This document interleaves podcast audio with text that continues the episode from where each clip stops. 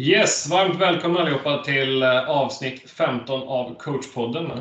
Vi kastar oss direkt in i frågorna till dagens gäst och första frågan är då den sedvanliga, fullständigt namn. Oskar Erik Wilhelm Lundin. Ja, men det klickar bra där. Ja. Ålder? 31. Bor? Fullere Hage mellan eh, Uppsala och eh, Storvreta. Favoritlag?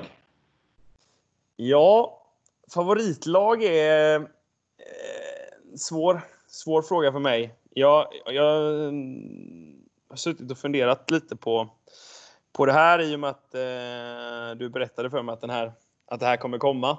Jag tror om jag tänker på vad jag har följt för lag, mest förutom de lagen man tränar själv och de man ska möta, så är det ju vissa ledare eller tränares lag man har följt de senaste 5-6 åren. Då är det såklart, det är ju, säger ju säkert många tränare oavsett idrott, men Pep, Pep Guardiolas lag har jag följt mycket. Sett att han, mm. eh, han är nyskapande med hur han, eh, hur han spelar eh, med sina lag till exempel. Och så har jag följt i handboll har jag följt Jobomir Vranjes lag en hel del. Kollat så här, tysk ligahandboll och, och sånt för att kolla hur de, framförallt kontringsspelet i handboll och hur de har kontrat. Så jag har mer haft så här ett par favorittränare och ledare mm, och deras lag som jag har följt. Så kan man väl svara, på, svara långt på en kort fråga.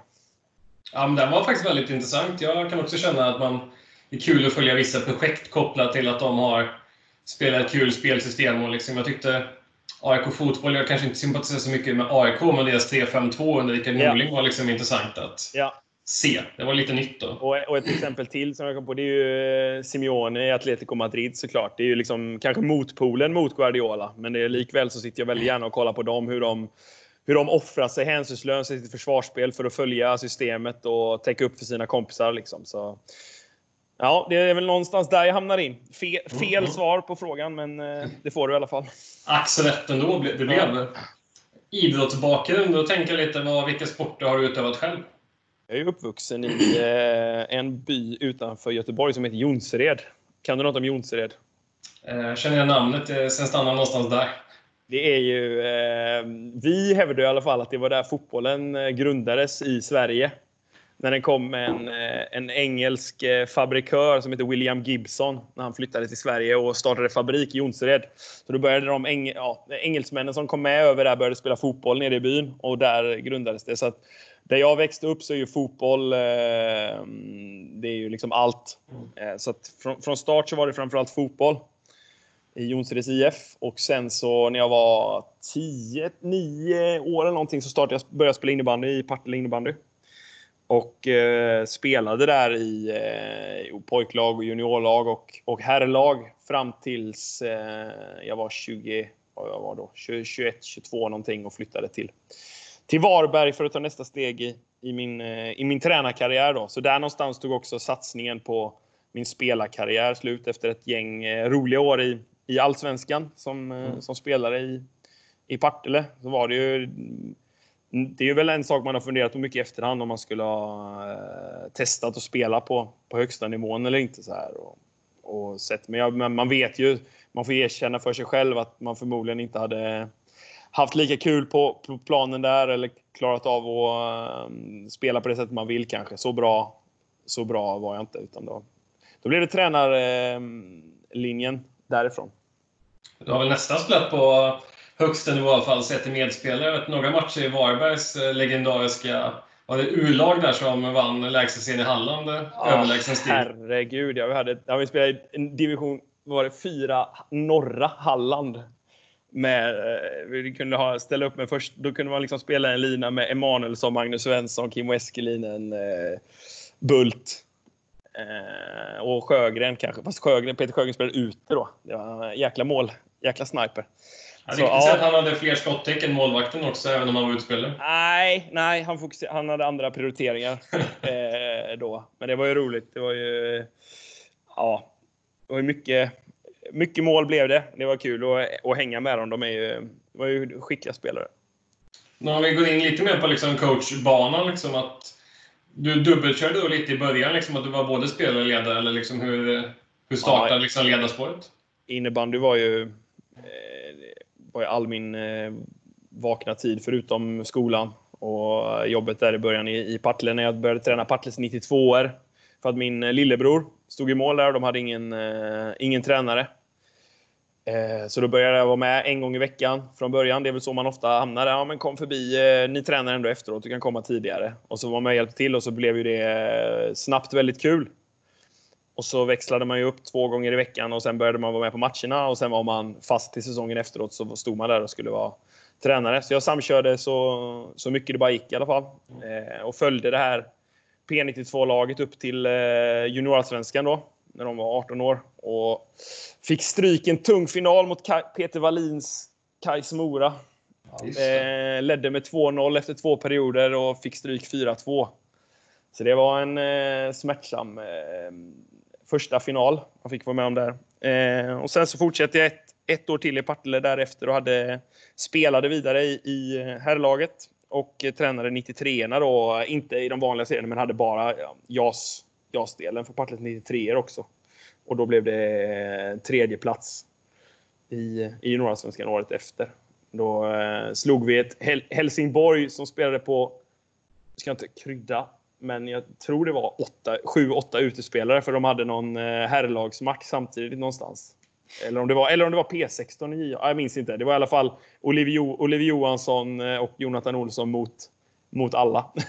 ungefär, ja, så, ungefär så kändes det. Och vi lyckades krångla oss iväg med den, eh, med den bronspengen på något sätt. Där. Så, nej, det var, så det var ju min JAS, JAS-bana. Och sen blev det som sagt Varberg hörde av sig efter det och frågade om jag ville eh, ta mig an deras juniorsatsning och hjälpa till med ut, eh, och utveckla mm, de äldre ja, ungdomslagen och, och juniorlaget där. Så då fick jag ju chansen för första gången att få mm, arbeta och jobba med det roligaste jag vet. Eh, med tränarskapet och ledarskapet. Och så blev det ett år med juniorerna i Varberg.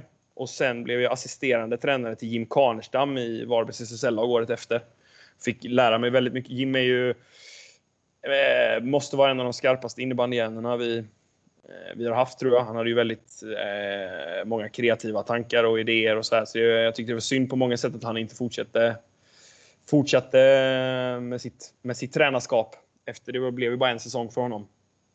Eh, och därefter då när Jim slutade så fick jag ju den stora äran och chansen att, att bli huvudtränare för Varbergs eh, SSL-lag. Och så blev det ju två, drygt, ja, nästan två och en halv säsong med Varberg innan det tog, eh, tog raskt slut där.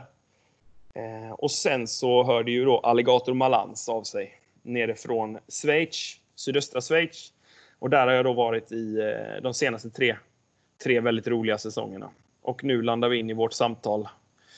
Samtal här på länk mellan någonstans i Uppsala och Fullerehage då. Och eh, så förbereder, förbereder jag mig för eh, min första säsong med, med Storhet IBK som jag ser fram emot såklart. Så där fick du hela, hela vägen. Ja, den var välsummerad och eh, jag tänker vi ska passa på att djupdyka lite extra i tiden i Schweiz. Där, för jag tror att det är många med mig som är nyfikna på liksom de rent eh, kulturella skillnader som möjligt kan finnas liksom, just innebandymässigt. Eh, ja. Du sa tre säsonger där. Liksom, den första spontana är ju liksom, var det svårt språkligt liksom, att få det att funka? Liksom, eller förstår du om engelska eller fick du lära dig tyska? Eller hur, hur det skiljer sig ju väldigt mycket beroende på vart man är i Schweiz. Eh, det är ju så här, engelska är ju liksom i stora delar av Schweiz inte ett av de språken som barn får lära sig i skolan. Eh, så här, att det är en av de obligatoriska kurserna och så här. Och så var det ju. Eh, jag hade ju ändå ett av de lite mer, vad ska man säga, lantliga gängen i Schweiz, Alligator Malans. Så att eh, jag märkte ju ganska tidigt att när jag pratade engelska så... Sen om det beror på min engelska eller inte, men uh, ungefär hälften skulle jag bedöma uh, förstod... Ja, lite, mer, lite mer än hälften förstod bra engelska. Men de pratade ju, det var max hälften som be, var bekväma med att prata engelska då. Så då märkte jag, jag fick, förstod ju ganska snabbt att uh, det här handlar om att lära sig tyska så snabbt som möjligt. Eh, så jag gick ju två, två gånger i veckan på privatlektioner i, i tyska under första säsongen. Eh, och första säsongen överlag präglade, jag vet ju att det var, det var svårt liksom första året. Det, att få ut sitt budskap, få ut sin, sina tankar och idéer och framförallt den här viktiga bara att, att skapa trygghet mellan en tränare och en spelare, det vet ju, det är ju superviktigt och det blir bara viktigare och viktigare i, i dagens klimat så här att man den här shoulder to shoulder kommunikationen och bara prata och hålla koll på hur alla mår. Den fallerar ju också liksom raskt om man inte kan eh, prata på ett, på ett enkelt sätt med varandra. Och sen föll lite på lätten ner när jag kom i början av andra säsongen hände det någonting.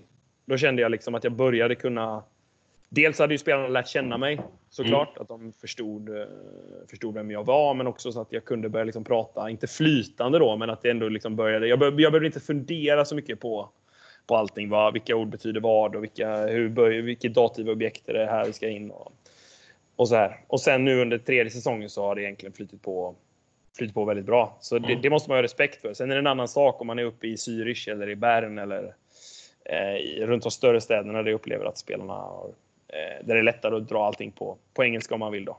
Så att, eh, det, det var väl så det kändes rent språk, språkligt. Innebandymässigt då fanns det några stora liksom, eh, skillnader liksom, som stack ut rejält? Liksom. Mm, den, den roligaste skillnaden, eller det jag tyckte var väldigt kul med schweizisk innebandy, är att eh, många lag hade en tydlig, en tydlig filosofi, ett tydligt sätt och, som de ville bedriva sin verksamhet och spela sin innebandy. Det, det, är liksom, det är ju det man, om du tänker tillbaka på vilka tränare eller så jag pratade om förut också, eh, det, så är det ju någonting som kommer igen där. Att jag gillar ju när någonting mm. är, är tydligt, att man ser vad de vill göra och inte bara liksom rent systematiskt utan överlag. Så här, att så här vill de spela, så här vill de uppföra sig på, på, på planen. Och det har egentligen alla lag i NLA skulle jag vilja säga har en, sin egen liksom, eh, stämpel på sitt spel. Jag tror, jag tror delvis beror det på att de har, det har varit liksom, väldigt duktiga tränare där från olika länder. Ofta mm. är det så här i högsta ligan. Det är tre schweizare, tre svenskar, tre finnar och tre, tre tjecker.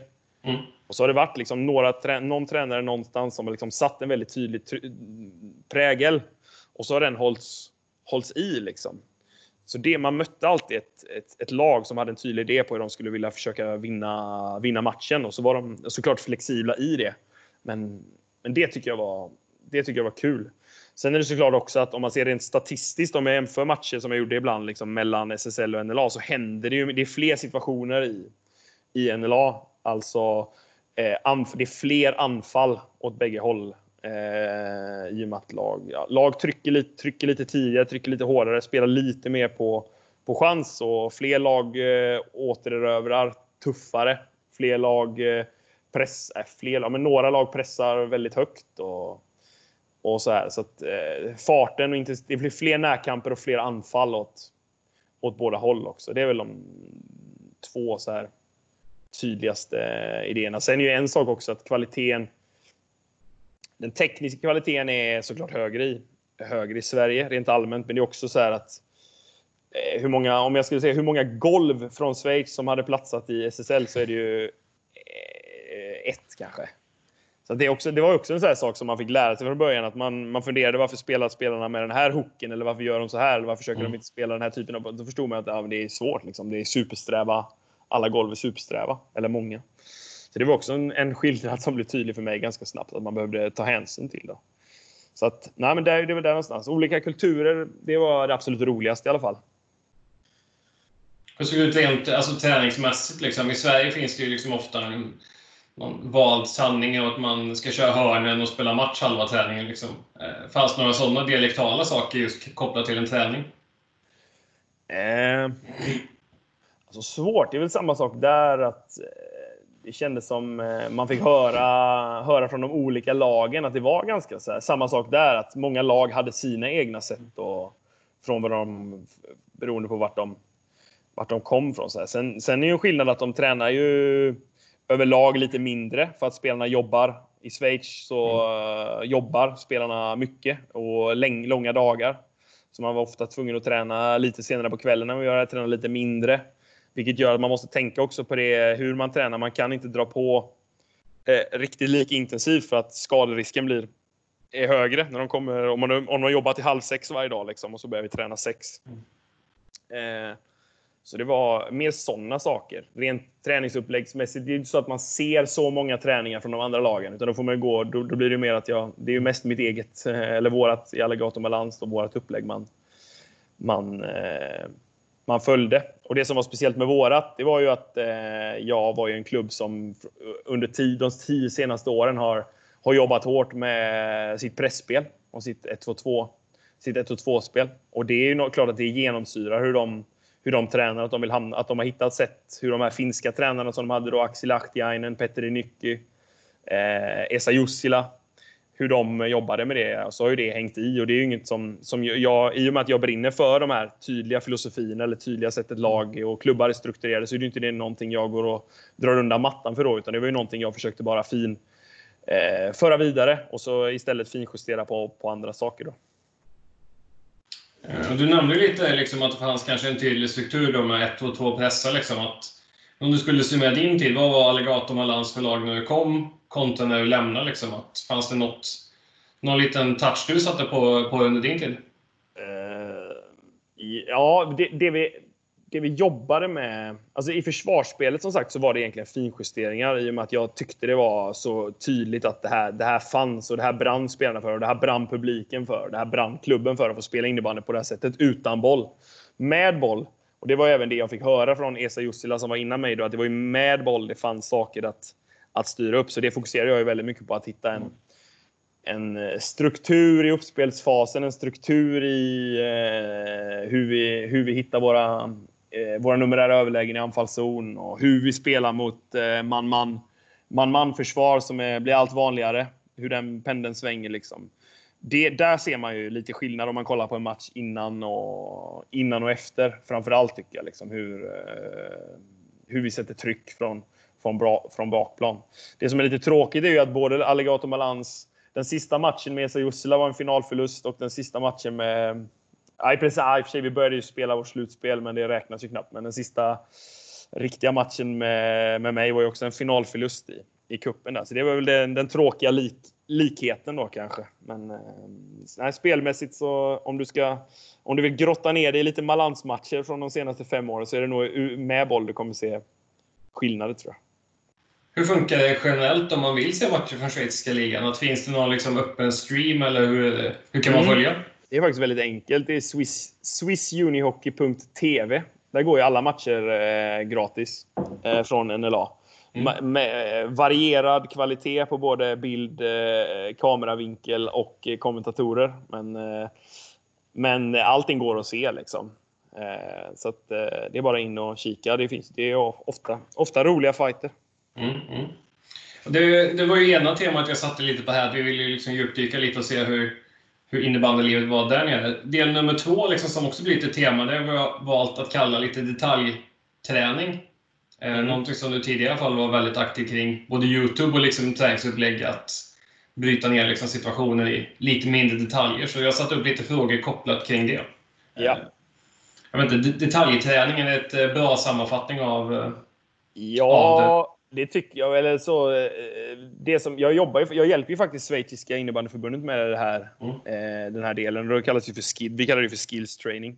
Och det är väl ungefär, eh, alltså på svenska, vad det blivit? Färdighets, färdighetsträning. Mm. Eh, någonstans där, däromkring är väl ett, är väl ett okej, eh, ett okej uttryck för det. Men eh, nej, jag tycker det är ett kul, det är ett kul område som eh, som eh, delvis eh, vi, vi, blir, vi är hyfsat duktiga på innebandy tycker jag. Det finns liksom tränare och spelare som, som utnyttjar det. Sen måste man ju, det är ju det, vi måste ju värdera vad vi lägger vår tid på i vår idrott och, och när, när vi möjlighet att göra det och när inte. Och så här. Det, det är lättare för, eh, för till exempel eh, hockeyspelarna eller fotbollsspelarna på den allra högsta nivån.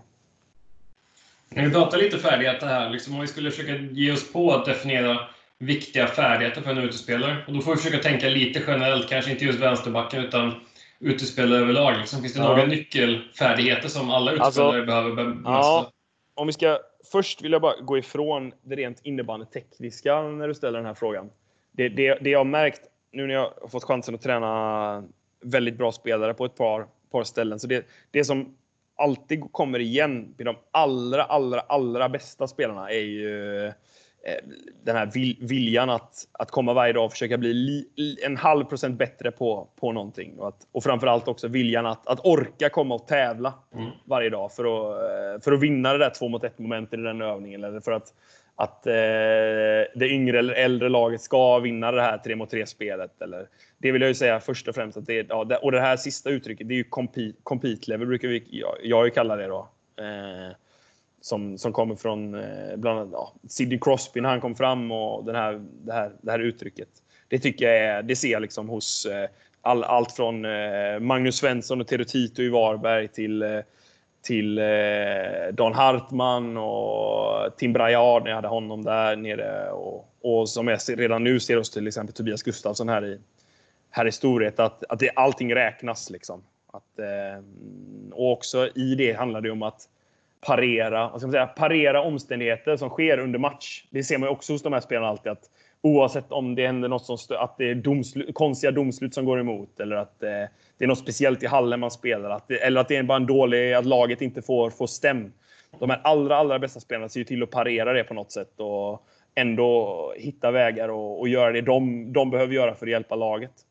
Men sen, jag förstår ju att du söker också liksom något rent innebandyteknisk eller någon egenskap som, som sticker ut på det. Och då, jag, när jag försöker fundera på samma sätt, så här, vad är det som, som de här spelarna alltid har, så är det ju att, ha, att kunna använda sin första touch.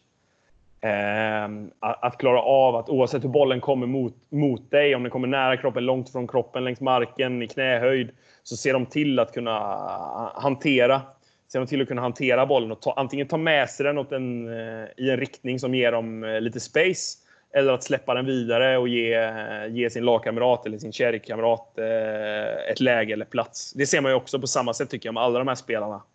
Så att de klarar av eh, det. Och det de gör med det är ju egentligen att styra eh, hur mycket tid och plats som finns ju för sig själva. Så det skulle jag ju säga är någonting som man eh, tidigt ska eh, försöka träna på och lära känna, oh, lära känna bollen helt enkelt. Det är ganska intressant. Jag, jag har ju Johannes J.G. Gustafsson som eh, när han pikade var väl uppe och var bäst i världen under några år där. Ja. Spelade i Haninge och Storvreta. Han ser ju fortfarande på innebandyplan i division 1 i IBK Uppsala Teknologer. Just det.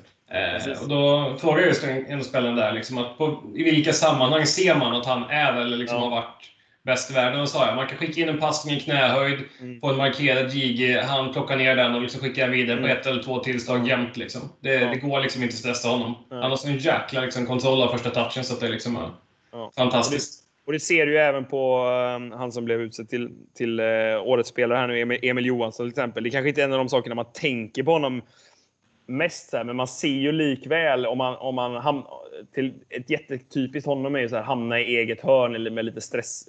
Lite stress här. Han kommer ut och så, hur, sättet han tar med sig bollen med, med sin första touch. Samma sak som, som när jag nu ser Tobias Gustafsson till exempel, eller Hampus Arén som kommer bli eh, som säkert kommer vara en av de absolut vassaste på det om något, om något år. Liksom. De, de har det där. Om man då skulle gå på och försöka liksom, eh, definiera färdigheter på en målvakt då? För det skiljer ju lite utspelarmässigt och eh, målvakter. Ja, och då... Mm, precis, bra fråga. Nej, jag skulle egentligen göra samma sak. Jag hävdar att det, det absolut viktigaste för dem över lång sikt för att klara av att bli liksom på allra högsta nivån mm. på, den, på det mentala planet så är det ju för dem att förmågan att stanna i sin bubbla på något sätt. Förmåga att, eh, att eh, vara som en, på samma sätt där, vilka omständigheter som en, som en är. Att klara av att stanna i sin bubbla och, och fokusera på nästa, på nästa boll på något sätt. Det tror jag är superviktigt. Och sen rent innebandytekniskt så skulle jag ju mer där tänka på um, det, egentligen det jag har sett åt mina bästa målvakter är att de klarar av att med en att de klarar av att med en bra förflyttning ta sig dit de, precis dit de vill samlat. Liksom. Att de kommer över i den positionen utan att bli svajiga eller flaxiga, utan att de kommer över samlade. Det tycker jag också är så här, en bra grej för unga, alltså målvakter tidigt att träna på. Att, att eh, jobba med korta och långa förflyttningar. Se till att komma, använda till exempel en surfplatta och sätta upp på en vinkel en bit bort. Träna på att ta dig dit på ett samlat sätt och så öka hastigheten hela tiden. Eh, för det ser man ju också hos, eh, hos Viktor nu till exempel, när jag börjat se honom träna, hur, eh, hur skicklig han är på det. Eh, han har liksom skapat sitt helt eget sätt att göra det på, men, men just den egenskapen är han ju väldigt bra på. Så att, eh, det, det skulle vara det i så fall. Just den isolerade träningen när man repeterar liksom, det som för mig har varit väldigt det här detaljfärdighetsmässiga, mm. liksom, att man repeterar med en eller två spelare eller en målvakt som repeterar förflyttningar. Ja. Eh, hur liksom överföringsbart tycker du att den typen av träning, när man repeterar liksom ett mönster för just en spelare, till exempel en högerforward ska repetera avslut från en liksom fickan eller något sånt där. Hur överföringsbar är den till en matchsituation sen? Ja, men just, just, de, just de, den delen du är inne på nu, till exempel om man har en spelare som, eh, som man ser statistiskt och man ser att han ofta kommer att det här avslutet har han 5-6 gånger per match. Eh, kan, man, kan man få den spelaren att, att arbeta med videofeedback till exempel så att han får se det själv att det här, det här händer ofta och i det här läget eh, skulle du kunna bli, eh, du är redan giftig och du skulle kunna bli ännu vassare. Liksom. Och att sen försöka sätta in, ska han skjuta runt ett täck? hur, ofta, hur ser det ut på match? Eh, och sen är det ju upp till spelaren, just som jag var inne på tidigare, den här compete-leveln. Gör de det, klarar de av att göra det när de jobbar på det sättet? Klarar de av att göra det i, match, i maxfart och i matchfart? Eller blir det, mm, blir det liksom att man bara trampar igenom den här övningen? För det gör ju en stor skillnad på den här typen av övningar som, som du själv vet och när du har sett det i, mm. på NIO-träningar eller så här. Att det, och det skiljer ju också ofta när, när du ser vilka spelare som kanske re, kommer vara redo att ta det sista steget eller inte. De som klarar, det, det är ett bra exempel på någonting där man kan, ofta kan se det. Så skulle... skapa, skapa omständigheterna. Eh, förklara för spelaren. Det är ju jätteviktigt. Gärna med ett videoklipp eller någonting och se liksom, här hamnar du superofta. Jag tänker att vi ska träna på det här.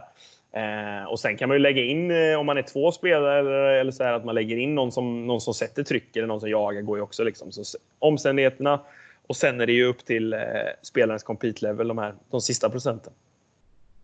Om man skulle titta rent färdighetsmässigt på en spelare, nu får vi ta ett så här, generellt exempel, men skulle du välja en spelare som är jämnbra på det mesta eller har en dunderhög spets? Jag bara, exempel då, vi har en spelare som har ett skitbra skott, liksom, sätter liksom nästan alla sina avslut, men kanske är väldigt begränsad i spelsinnet och liksom det defensiva arbetet. Vad skulle du välja om man får ta liksom det ena eller det andra? Alltså, det är lite skillnad också vart... Om du frågar mig som Storvretas, eh, där, där jag är nu, eh, så skulle jag absolut säga att jag hellre tar någon med extrem, extrem spets. Jag vet inte om du har sett eh, den här eh, på Netflix, dokumentären om Formel 1. Har du sett den? Man följer eh, Race, eh, vad heter det? Racing to Survive eller vad den heter. Där får man följa de olika teamen bakom kulisserna. Där måste du, du och ni som lyssnar som inte har tittat på den måste kika på den. Man får följa de olika teamen. Dokumentären över. Ja, exakt. exakt. Toto Wolf heter Mercedes teamchef. Och han, eh, det, det har jag tagit med mig mycket. Han säger liksom att eh, det jobbar, eh, vad det nu är, 2000 personer på, eh, inom vårt team. Och eh, jag ser alla som, som special, alltså världsspecialister på det, de, på det de gör. Och min, upp, min uppgift som, som chef här bara är att se till att alla mår bra och trivs i, eh, trivs i, i den här miljön så att vi får ut max av dem. Och det är ju lite samma sak som jag ser i mitt uppdrag i Storvreta nu. Att både på plan, de spelarna vi har såklart, så är det ju viktigt för mig att, vi, eh, att spelarnas spetsar kommer fram och att vi sätter ihop det på ett bra sätt, men även utanför plan. Som, eh, som alla tränare vet att, att staben runt omkring, eh, tränaren, assisterande tränaren, lagledaren, materialaren, målvaktstränaren, samma sak där. Så eh, är det samma sak. att eh, använd spetsegenskaperna som finns liksom och få alla att, att trivas i det. Det tror jag är som huvudtränare din absolut viktigaste uppgift. Jag skulle välja spelaren med, med spetsegenskap. Sen om jag är ungdomstränare eller, eller juniortränare, då, då, då, behöver man inte göra det valet på samma sätt heller. Men då tycker jag det liksom är, är lika viktigt att de får eh, får bara spela och träna på allt. Liksom. Sen nu är det en annan sak. När jag, Albin Sjögren till exempel. Det är klart att jag fokuserar mer på att Albin Sjögren ska bli ännu om möjligt 1-2 säkrare när han trampar in eh, och skjuter avstämt från vänsterkanten med, med fel fot eller vad man ska säga. Lågt i bortre. Att han blir ännu bättre, ännu säkrare på det än att han eh, blir 2-3% bättre på att täcka skott till exempel. Nu kanske inte Albin är dålig på att täcka skott heller, men ja, du, förstår vad jag, du förstår vad jag menar. Att, Helt och hållet. Eh, ja. Men skulle du säga att det är generellt så att, så att det vi gör på träning på yttersta nivån, det handlar om att maximera spelarens styrka. Liksom. Inte att förebygga svagheter eller? Ja, jag, jag upplever i alla fall att det, det, blir mer och, för mig blir det mer och mer så. För då får man, jag märker också att lyckas man få spelarna att känna att de jobbar med sina styrkor så växer deras, deras eh, shit nu på att dra tyskt, tyskt ord här, mitt i Selbvertrauen. Men eh, det kanske du förstår vad det betyder? Alltså deras eh, själv, självförtroendet, precis. Att eh, Eh, man märker att de, de tycker det är kul då, de får jobba med det de är bra på. De märker att, eh, att omgivningen känner det med. Liksom. Så jag tycker man får mycket spin-off effekter på att, på att göra på det, på det sättet. Och, och det finns ju, och det spelar ingen roll, det kan ju vara vad som helst. Det är ju inte bara liksom de klassiska exemplen vi är inne på nu med bra skott. Jag vet, du säger själv, du har ju kollat på Bulls-dokumentären med, då är ju Dennis Rodman en av, en av nyckelfigurerna. Det här klippet när han när han sitter och kommer fram till att vad hans, han kommer ju fram till shit, det är det här jag är bäst på. Liksom. Det här kan jag göra bättre än alla andra. Jag kan försvara en mot en och jag kan ta returer bättre än någon annan. Och då börjar han liksom så här, bara bad spelare att skjuta på korgen på olika sätt mm. så han kunde lära sig exakt hur bollen studsar, vilka vinklar, vart ska jag vara. Han lärde sig individuella spelare, hur just de gjorde och vilken spin det var på bollen och så här.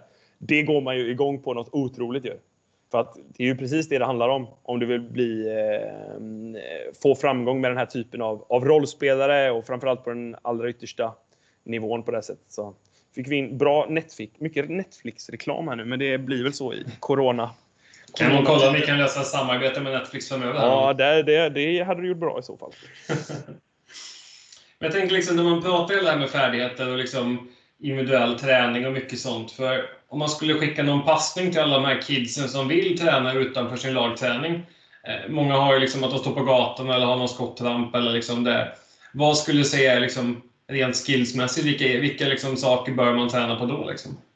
Men om man tar den här första touchgrejen till exempel, så är det ju klockrent att bara eh, ha en liksom, ett okej okay underlag, men en, eh, en, någon typ av vägg men gärna lite ojämnt ojämnt material och bara liksom slå flippbollar emot eller slå bollar emot så den kommer tillbaka i lite olika vinkel hela tiden. Och träna på att bara ta emot den, bestäm vart du ska ta med, bestäm att okej okay, nu ska jag fem gånger i rad oavsett vart det kommer ska jag ta med den en, två meter till vänster så snabbt som möjligt. Nu en, två meter till höger. Nu ska jag försöka ticka tillbaka den på ett. Det är just, alltså, det, ofta är det enk, alltså kraft, man ska inte underskatta kraften i det enkla som någon filosof någon gång, någon gång sa. Eh, det tycker jag är en grej att göra. Sen, sen avslut, att man bara istället för att bara alltid bara stå och mata och skjuta rakt, rakt upp och ner, att man tränar på eh, det som vi blev kallat för, för eh, cross, the Crosby shot till exempel. Att man flyttar bollen i sidled 2-3 decimeter innan avslut. Mm. Just för att, liksom, att lära sig att snabbt ta bollen förbi en, skjuta mellan klubba fot eller det finns de här små, små sakerna som eh, som du kan lägga in. Liksom. Eh, det tror jag är, du kan göra ganska så, så enkelt. Sen, Nej, det... sen, den, andra, den andra delen är ju att eh, om man tänker första touch, det, det, handlar ju mycket om att lära känna, lära känna bollen. Eh, och då är det ju oavsett vilken idrott du spelar, om det är, om det är innebandy, eller fotboll, eller basket eller att jag, jag, upplever och jag tror bestämt att man, man lär sig, man får en bättre för, första touch oavsett hur, vilken typ av boll man lär känna. Det är också viktigt att få med i den här i, just den här diskussionen. Att lek, leka spela med bollar och många olika spelformer och så här, Det är ju minst lika viktigt som att stå och bara nöta med en innebandyklubba och en boll mot en, mot en snedvägg.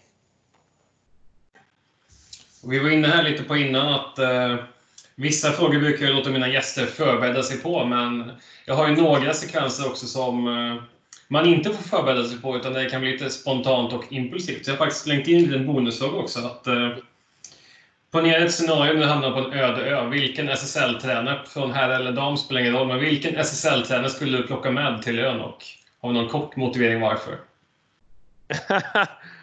uh, bra. Bra fråga. Eh, ja du. På en öde ö. Jag tror jag hade tagit Paulsson alltså. Niklas. Vi, eh, vi har ändå gått ihop bra tidigare. Plus jag tror han är ganska så här, Han har ju typ renoverat sitt hus och sånt. Vet jag ju. Så det känns som att det, han skulle kunna täcka upp för det, för det jag inte kan med. Sen finns det kanske andra som, som har bra koll där med. Men jag vet, jag vet, vi hade haft ganska kul ihop liksom och så hade vi kunnat lösa eh, diverse problem med tror jag. Det hade nog blivit Niklas ändå. Ja, men det bara, låter som ett säkert kort också med just byggkunskaperna. Alltså. Ja, sen kanske jag överskattar honom där nu. Jag vet inte. Vi får... Hopp, förhoppningsvis slipper vi ta reda på det. Exakt, exakt. Och då har vi då de två standardsekvenserna kvar. Dels fem snabba som är först ut och sen ska vi få sätta ihop en liten drömuppställning här. Ja. Men vi börjar ju med de fem snabba. Det är samma sak där. Spontant och impulsivt svar. Är du beredd? Ja, jag är beredd. Powerplay eller boxplay? Powerplay. Uppspel eller försvar? Uppspel. Långt utkast eller kort utkast? Oh, uh, långt. match på hemmaplan eller match på bortaplan? Nu verkligen match på hemmaplan. Eh, jämn match som avgörs i sista minuten eller en enkel vinst? Jämn match som avgörs i sista minuten. Ja, du tar den liksom före 5-0 eller liksom någon, någon sån, ja, enkel? men det är ändå, om du tänker tillbaka. Liksom, om, man, om man får veta innan matchen att man kommer vinna på det sättet så tar man ju den. För man, om man tänker tillbaka vilka matcher man får mest rysningar ifrån eller vilka härligaste segrar man har haft så är det ju den typen av, av vinster. Så Ja, när, du ger, när du ställer frågan att jag kan välja mellan de två segrarna, att jag vet att jag vinner, så tar jag den. Ja, men det är sant. Det är väldigt sant. Eh, match på hemmaplan. Eh, ibland tänker jag mig att det är rätt charmigt med bussen och käka på något eh, halvdan sylta på halvvägs bort. Men eh, du, du föredrar match på hemmaplan?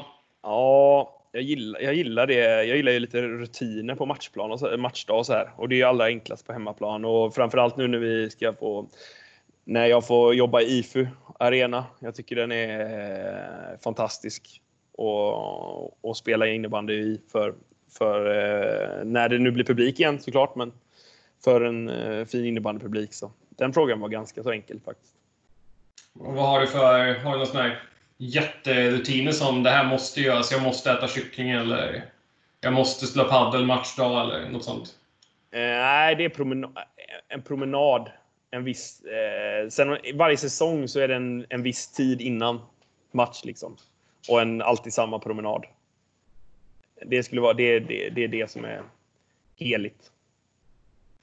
Och då vidare till eh, drömuppställningen. Där du då får plocka ut eh, en målvakt, fem utespelare. Du får själv välja om det är någon särskild taktisk disposition eller, eh, eller så. Samt om eh, du vill ta hjälp av någon eh, ledarstab eller om eh, du coachar själv eller om man helt enkelt lägger över på spelarna att de får lösa det. Ja, jag har gjort, jag har gjort det. Jag kommer ju gå från de, de spelarna jag haft i, i match, så att säga.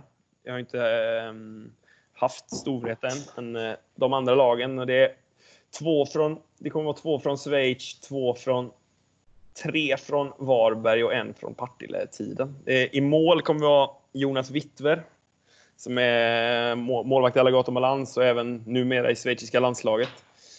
Eh, framför allt sättet han skjuter in energi. Jag vet inte om du har sett honom spela någon, någon matchen. Men det han gör med hemmahallen och med, med laget i... Eh, han, kan, han är som en så här, vad ska man säga? Han kan så här, eh, tänk dig så här en skruv, alltså en spis eh, så här 1 till 9. Han klarar liksom av att så här styra vad laget, hur mycket värme laget behöver. Eh, det är väldigt imponerande. Sen är det saker i hans målvaktsspel som han, han behöver jobba med. Men, men den eh, spetsegenskapen vill jag ha med här i den här eh, uppställningen. Längst bak i min 1-2-2 så är Mattias Wallgren helt, helt given. En eh, fantastisk eh, ledare, människa och, och innebandyspelare, tycker jag. Eh, han, eh, han tar hand om, om det och har även eh, kaptensbindeln här, tänker jag. Eh, höger mittfältare, nu kommer en lit, kanske den lilla överraskningen här, det är Sam Larsson. Som folk, Ja, det just är ju det. fotboll, det är fotboll folk eh, såklart associerar med Sam. Men jag fick ju ha han en kort tid i, eh, i Partille där eh, under vårt 93 JAS-år när han kom från anrika klubben IBF Älvstranden. Och det var liksom så här. Jag har aldrig varit med om det riktigt att jag egentligen varje träning fick någon sån här wow upplevelsen på sättet han kunde behandla dels behandla en boll. Just det här med han tränade ju inte så jättemycket innebandy, men just det här var inne på första touchen var alltid oklanderlig liksom. Eh, och sen också fa, alltså sättet han använder sin, eh, sin fart. Det gör han ju även på fotbollsplan. nu, men så han var ju så här. Eh, han hade ju kunnat li- såklart välja liksom vilket landslag han, han skulle vilja spela i på något sätt. Så han tar jag med. Till vänster så eh, som vänster, vänster tvåa är det Kevin Barry. Eh, som eh, har en egen, helt egen innebandystil egentligen. Hur han, både hur han ser ut på plan och med sin lite sävliga writarstil. Han ser lite så här satt och lite tung ut stundtals. Eh, men är ju powerplay, eh, den bästa powerplay-spelaren jag haft. Skulle jag säga. Han styr ju Schweiz powerplay på ett, på ett väldigt fint sätt med. Eh, och eh, ora, ora, liksom uppväxt i det här 1-2-2 pressspelet med och eh, grymt, grymt tajmad där. Sen kunde han vara lite av och på så här. Han kunde gå, gå ur sin zon någon vecka då och då. Men jag tänker att med de gubbarna jag har bredvid honom här så ser de till att hålla han i, hålla han i, eh, i schack. Eh, sen längst fram så är det på till höger Magnus Svensson. Som eh, ja, behöver kanske inte någon närmare presentation, men det sättet att eh, alltid varje byte, det konkreta man såg med honom var ju det här, du vet, till och från bytet till exempel. Allt det här, du vet, drivet in, drivet ut, allting med allting. Så jag, han var så noggrann liksom. Eh, sen var det synd på slutet när jag hade han så var det ju mycket liksom skador och och, eh, och saker som, som satte stopp för, för honom. Så här. Men man, det var ju alltid en liksom fröjd och, och se honom spela. Han har ju samma sak där och kommer åter den här första touchen. Han var ju fantastisk på halvvolley, volley runt målet, men också liksom på att servera sina medspelare. Så här. Och bredvid honom så är det ju Tirutitu. Eh, eh finske, finske storskytten som, eh, som också var så här ett verkligen eh, ihop med Wallgren, liksom, de här verkliga föredömena, hur man förbereder sig varje vecka, vad som, krä vad som krävs för att, för att vinna och, och ja, visa vägen på, på sitt sätt hela tiden. Eh, och, ja, på alla sätt en förebild. Liksom. Så, Wittver, Wallgren, Sam Larsson, Kevin Berry, Magnus Svensson, Teresito. Den hade varit eh, kul, att, kul att kika på. Ja, Sam Larsson, den, eh, jag har faktiskt läst, det var ju något uttalande på Magget där han eh, kommenterade själv att han hade varit eh, sjukt bra inband om han hade fortsatt. Så att det är ju kul att den blir lite bekräftad då. Ja, det, det kan jag ju absolut skriva under på. Absolut. Och det, är- ja, men det, är- det är spännande att se liksom att en, det, det är oftast ingen slump att de är duktiga i flera idrotter, de som har just den förmågan till.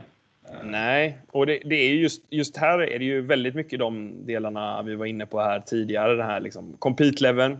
Så sättet att, alltså Terutite och Wallgren och de här, liksom, de, var ju, de visste ju att de var på slutet av sina karriärer. De har gjort över 100 landskamper. Men likväl kunde det vara något sånt här, någon torsdagsträning på slutet av träningen när de liksom bara, fan jag måste, det där momentet, bara köra lite extra.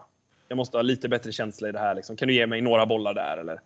Att de ville liksom hela tiden bli eh, lite bättre och lite mer förberedda. Det är ju, det, det, det är ju någonting man som tränare så här alltid kommer ha med sig och känna igen på något sätt när det där finns. Du nämnde ju också din eh, vänstermitt där, Kevin Berry, om jag hade namnet rätt va? Ja, Kevin Berry. Du nämnde att han var väldigt bra i PP på att styra. Ja. Eh, Vilka egenskaper skulle du säga liksom, gör, han har som gör att det är liksom, bra på att styra i PP? Ja, men det, dels så skjut, han kan skjuta på liggande boll. Eh, väldigt, väldigt bra. Både handledsskott och slagskott. Och så här. Han, han kan liksom låta, om de inte sätter press på honom på point till exempel, så klarar han av att trycka av själv. Sen har han ju den- han har den här förmågan att hitta de här 80, väldigt ofta de här 80-20 eller 70-30 passningarna som många spelare så här. "Aj, den här vill jag inte riktigt slå. Han slår den, ibland lite för ofta, men han, sl han slår den och han är väl, i och med att han har sånt, han har sånt liksom högt självförtroende så ofta så uh, klarar han av att slå de här passningarna med, med rätt tryck och rätt fart. Så, här. så han, han bryter linjer, han spelar liksom det, det som man brukar prata om mycket i powerplay, att man vill ju inte spela, man vill spela förbi den närmsta spelaren. Om du står point till exempel så vill du inte spela bara till, till han som står på höger eller vänsterkanten, utan du vill slå den, ja, om han då till exempel då en leftare ner i, i högra hörnet eller ja, du förstår vad jag menar, men förbi en spelare. Eh, och bryta, bryta motståndarnas linjer, det gör ju han eh, exemplariskt bra. Nej, men spännande och det skulle ju vara kul att se den här formationen i spel som så många andra formationer vi har fått ta del av i, i tidigare avsnitt. Ja, kan bli svårt ju. Ja, men det, vi får se. Vi kanske återkommer ändå. Ja. Men eh, stort tack för att du har medverkat i eh, coachpodden. Det är alltid ett alltid nöje att spela in de här avsnitten och sitta och lyssna på lite inbandy. Ja, bra jobbat till dig, får jag väl säga. Det är kul, som, som du själv är inne på, innebandy är ju eh, det är vi ju extra hungriga på just nu såklart också, med allt runt omkring. Men eh, du gör ett bra jobb med, med den här podden. Det är kul, och, kul att lyssna på. Ja, men det tackar vi för. Det, det värmer. Och vi skickar givetvis ett stort lycka till kommande säsong när, när den drar igång. Exakt. Tack. Tack så mycket.